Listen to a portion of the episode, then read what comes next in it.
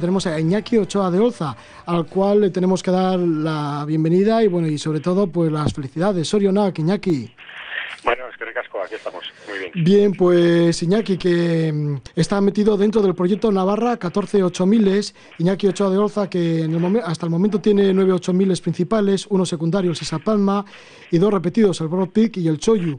El primer 8000 que hizo fue el Choyu en el año 1993, luego llegó en el 95 el Sisa Palma Central, el Gansenbrunn 1 y 2 en 1996, el Broad Peak en el 97, bueno, etcétera, etcétera el Everest y el Choyo en el año 2001 y ahora pues ha hecho también algo único, ¿no? que todavía nadie lo había conseguido, encadenar el Makalu y el K2 y esto sin oxígeno. Por eso te damos la eh, pues eso, las felicitaciones. Y te encuentras dentro del proyecto Navarra 148000. ¿Cuándo se inició este proyecto, Iñaki? Bueno, este proyecto me lo planteé un poco el año pasado, después de conseguir pues el sexto y el séptimo, creo que eran, el, el Nanga Parbat y tal pues me planteé que llevaba ya pues, la mitad de los 14 y pensaba que si no quería seguir trabajando pues de cosas como como guía o como cámara de altura que son trabajos muy dignos pero que no es la profesionalización pues con la que soñamos no y parece ser que la profesionalización pues la única salida que tienes es hacer los 14 8 miles porque pues porque lo demás no es tan sencillo de vender no entonces bueno pues a nivel de Navarra encontré sponsorización que me permite pues eh, gracias al apoyo del ORPEN de Diario de Navarra, hacer lo que quiero un poco, ¿no? Cada año puedo plantearme los somiles con quien yo quiera, de la manera que yo quiera y en los plazos que yo quiera. Entonces, bueno, pues eso es una opción para mí en ese momento la mejor. Pensé que pensé en meterme de lleno en ello y bueno, pues este año hemos empezado con buen pie. Sí, sí que has empezado con buen pie. Bueno, hay que decir que como cámara de altura, pues has trabajado para, para el filo de lo imposible. Y esta vez has empezado con buen pie porque has encadenado el Makalu que está en Nepal, en el Himalaya, con el K2 ahora mismo, ¿no? Sin oxígeno. Eh, ¿cómo, ¿Cómo ha sido la idea? ¿Cómo ha sido este proyecto? ¿Cómo, cómo ha ido funcionando todo? Que, ha ido muy bien. Porque además, entre el Makalu y el K2, eh, solo hicisteis un impasse para estar en Navarra una semana, ¿no? Sí, bueno, este es un proyecto que me planteé con casi mi compañero este año, que es un chaval de Lemona, Vizcaya, que se llama Alex Chicón, muy joven de 22 años. Y bueno, nos lo planteamos los dos pues con la idea de, que el juego del asunto estaba precisamente en el encadenamiento, ¿no? No íbamos a escalar ninguna vía espectacular, ya de por sí ambas vías en el K2 y en el Nakalu son realmente difíciles, las vías normales, ¿no? Ya tienen la, ya tienen la dificultad técnica que nosotros buscábamos y el juego de ello estaba pues en hacer uno tras otro, ¿no? Son casi cinco meses de expedición, con lo que tú comentas, una vuelta a casa cortita, prácticamente para lavar la ropa, ¿no? Y, y volver a salir, ¿no? Entonces, este era el tema y bueno, pues en mi caso ha ido a la perfección. Alex no ha podido subir al K2, aunque se ha convertido en la persona más joven en subir al Macalu. El Macalu además compartíamos expedición pues con un amigo ecuatoriano, Iván Vallejo, eh, con otro chaval navarro, Ricardo Valencia, y la verdad es que allí nos lo pasamos muy bien. Tuvimos todo el monte para nosotros solos, un monte muy grande, de 8.480 metros, que son muchísimos, y la verdad es que ha sido, desde el punto de vista alpinístico, la ascensión de más mérito de este año, ¿no? La ascensión del K2, sin dejar de tener mérito, pues ha sido más eh, siguiendo un poco la, rueda de otros y tal, y, la verdad es que tiene menos mérito, ¿no?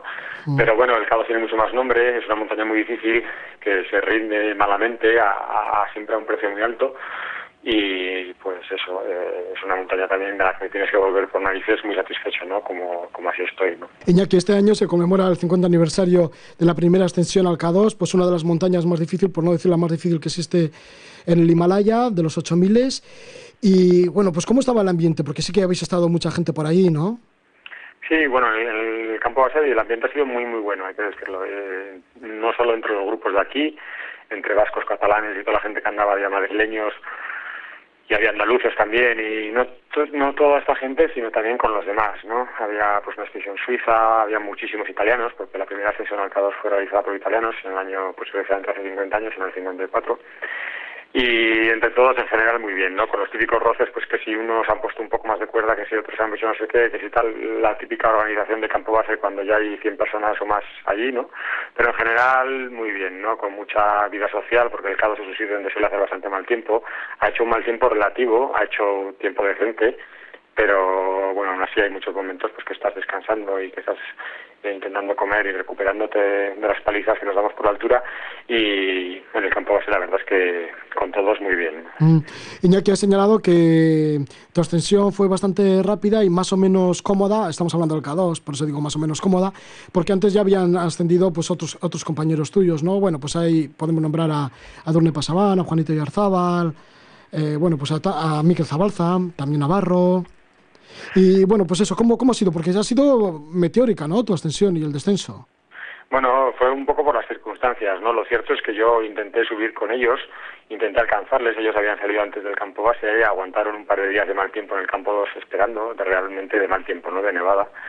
Y cuando ellos tiraron para el campo 3 yo intenté alcanzarles tirando del campo base hasta el campo 3 directo, ¿no? Eh, por circunstancias muy concretas, esa semana había estado tomando un antibiótico que tenía para una infección en las tripas y bueno, pues me estaba helando las manos, ¿no? Entonces, eh, ese día me tuve que bajar y tuve que volver a intentarlo pues dos días después, ¿no? Entonces, dos días después, evidentemente ellos ya habían subido y la verdad es que el monte estaba en muy buenas condiciones, ¿no? El problema no fue la subida, la subida fue realmente para mí, entre comillas, pues asequible o llevadera, pero el problema fue que yo subí con el último, con las últimas horas de buen tiempo, ¿no? Después de un periodo de cuatro días de buen tiempo, que cuatro días en el K2 de realmente buen tiempo, ¿no? Es, algo excepcional, pues fueron las últimas horas, ¿no? Yo hice a las siete y media de la mañana y ese día a las once de la mañana ya entró una tormenta que duró una semana, ¿no? Y bueno, pues el hecho es que ese día en la zona alta de la montaña yo creo que hicimos cumbre ocho o nueve personas en mi día de cumbre y creo que estábamos 15 en la zona alta de la montaña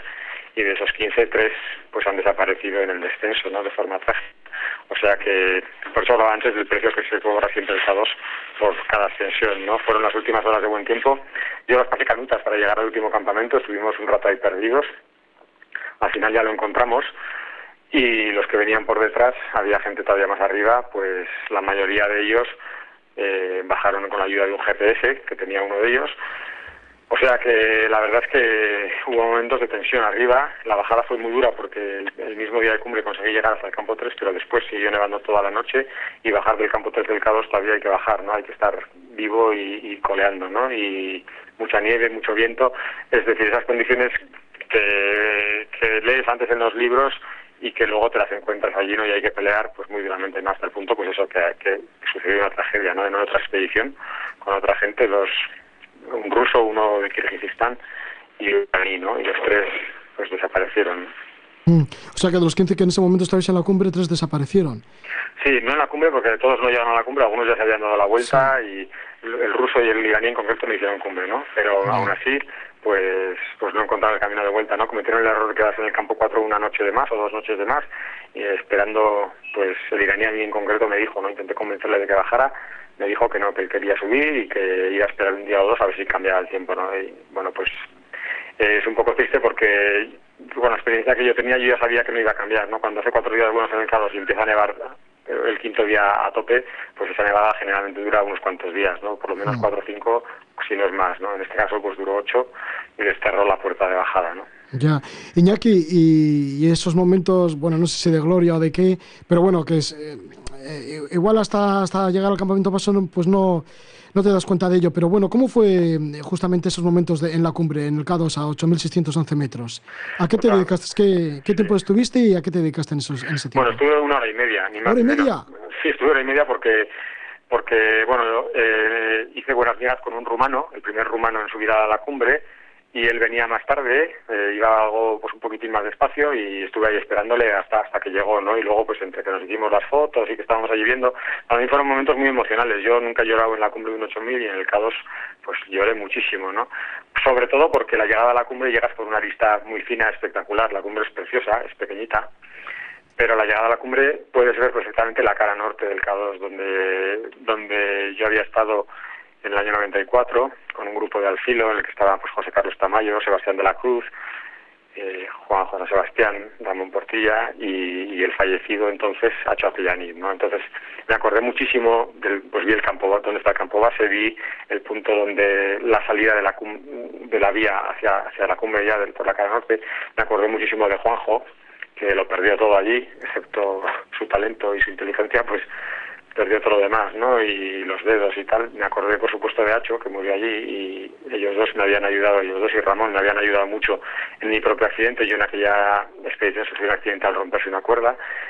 Y la verdad es que por aquello, pues me emocioné muchísimo, ¿no? Más, más, mucho más incluso que por mi propia cumbre, ¿no? Luego por tu, por la cumbre, pues evidentemente no son, no es momentos de gloria, no, no ves a la Virgen y las cosas que se piensa la gente, pero son momentos de plenitud, ¿no? Tú te das cuenta que estás en la cumbre del K2 como cumbre, pues es también de las más bonitas que he pisado, ya la propia estética de la cumbre, ¿no?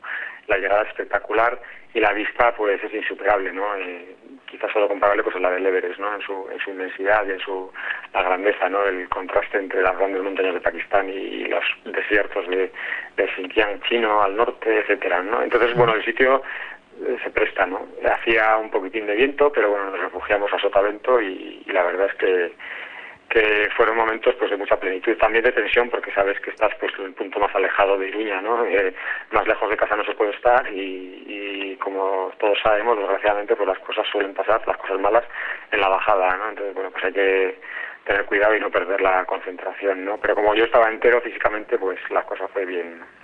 O sea que el paisaje es como algo así infinito y eterno, y el momento eterno, ¿no? Bueno, los, la eternidad está en instantes, ¿no? Ya seguro que, que lo encontraste, ¿no? Bueno, el paisaje no se puede describir casi con palabras, ¿no? Porque nosotros solemos decir que, intuimos, que vemos realmente, hay que girar el cuello, ¿no? Pero ves la curvatura de, la Tierra, ¿no? Nosotros estamos mucho más cerca de la estratosfera que del nivel del mar y, y el cielo tiene un color muy oscuro, ¿no? No es el azul que vemos desde aquí, sino mucho más oscuro, al haber ya muchísimo menos oxígeno, ¿no? Etcétera, ¿no? Es un montón de detalles, pues que que te emocionan, ¿no? Y luego, pues sobre todo allá arriba, en, en concreto, es el hecho de que estás en el K2, ¿no? Que es entre los 8000 pues el más reputado, por supuesto, una montaña además bellísima, ¿no? Que, que todos queremos, que todos deseamos y que, bueno, la gente, pues, pues quiere mucho, ¿no? Y entonces, bueno, aparte de eso, pues ahora mismo eh, llevamos ya unos teléfonos vía satélite de última generación en el bolsillo, puedes llamar a casa o a quien quieras y la verdad es que pues es, son momentos, si tienes tiempo y si estás entero, pues son son momentos inolvidables, claro. Así que, Iñaki, llamaste a casa, les darías un susto, ¿no? Oye, estoy aquí en el K2. no, un susto no, eran las 4 de la mañana, entonces, bueno, mi, mi madre se pensó que, que yo llamaba para decirles que me había dado la vuelta, porque ellos no se imaginaban que era posible hacer cumbre tan pronto, ¿no? Ellos, por supuesto, tienen hecho sus cálculos, ya saben dónde estás, ya sabes que vas para arriba, y también saben que puede que no llames, ¿no? Que, que puede que haga mucho viento, que no puedes sacar el teléfono, puede que no funcione, o lo que sea, ¿no? Pero vamos, eh, pues nada, les llamé y claro, les dices que estás que estás en la cumbre del K2, me imagino que para una madre es casi un disgusto, ¿no? Porque joder, ya sabes dónde está. Pero bueno, en mi casa disimulan muy bien y, y la verdad es que pues, fue bonito, claro. Sí, que tu, tu, tu, padre, bueno, y tu madre siempre te han apoyado muchísimo, ¿no? Eh, pues fíjate, estás, empezaste con los cinco años con tu padre a la montaña y, y siempre están ahí al pie del cañón dándote, dándote ánimos.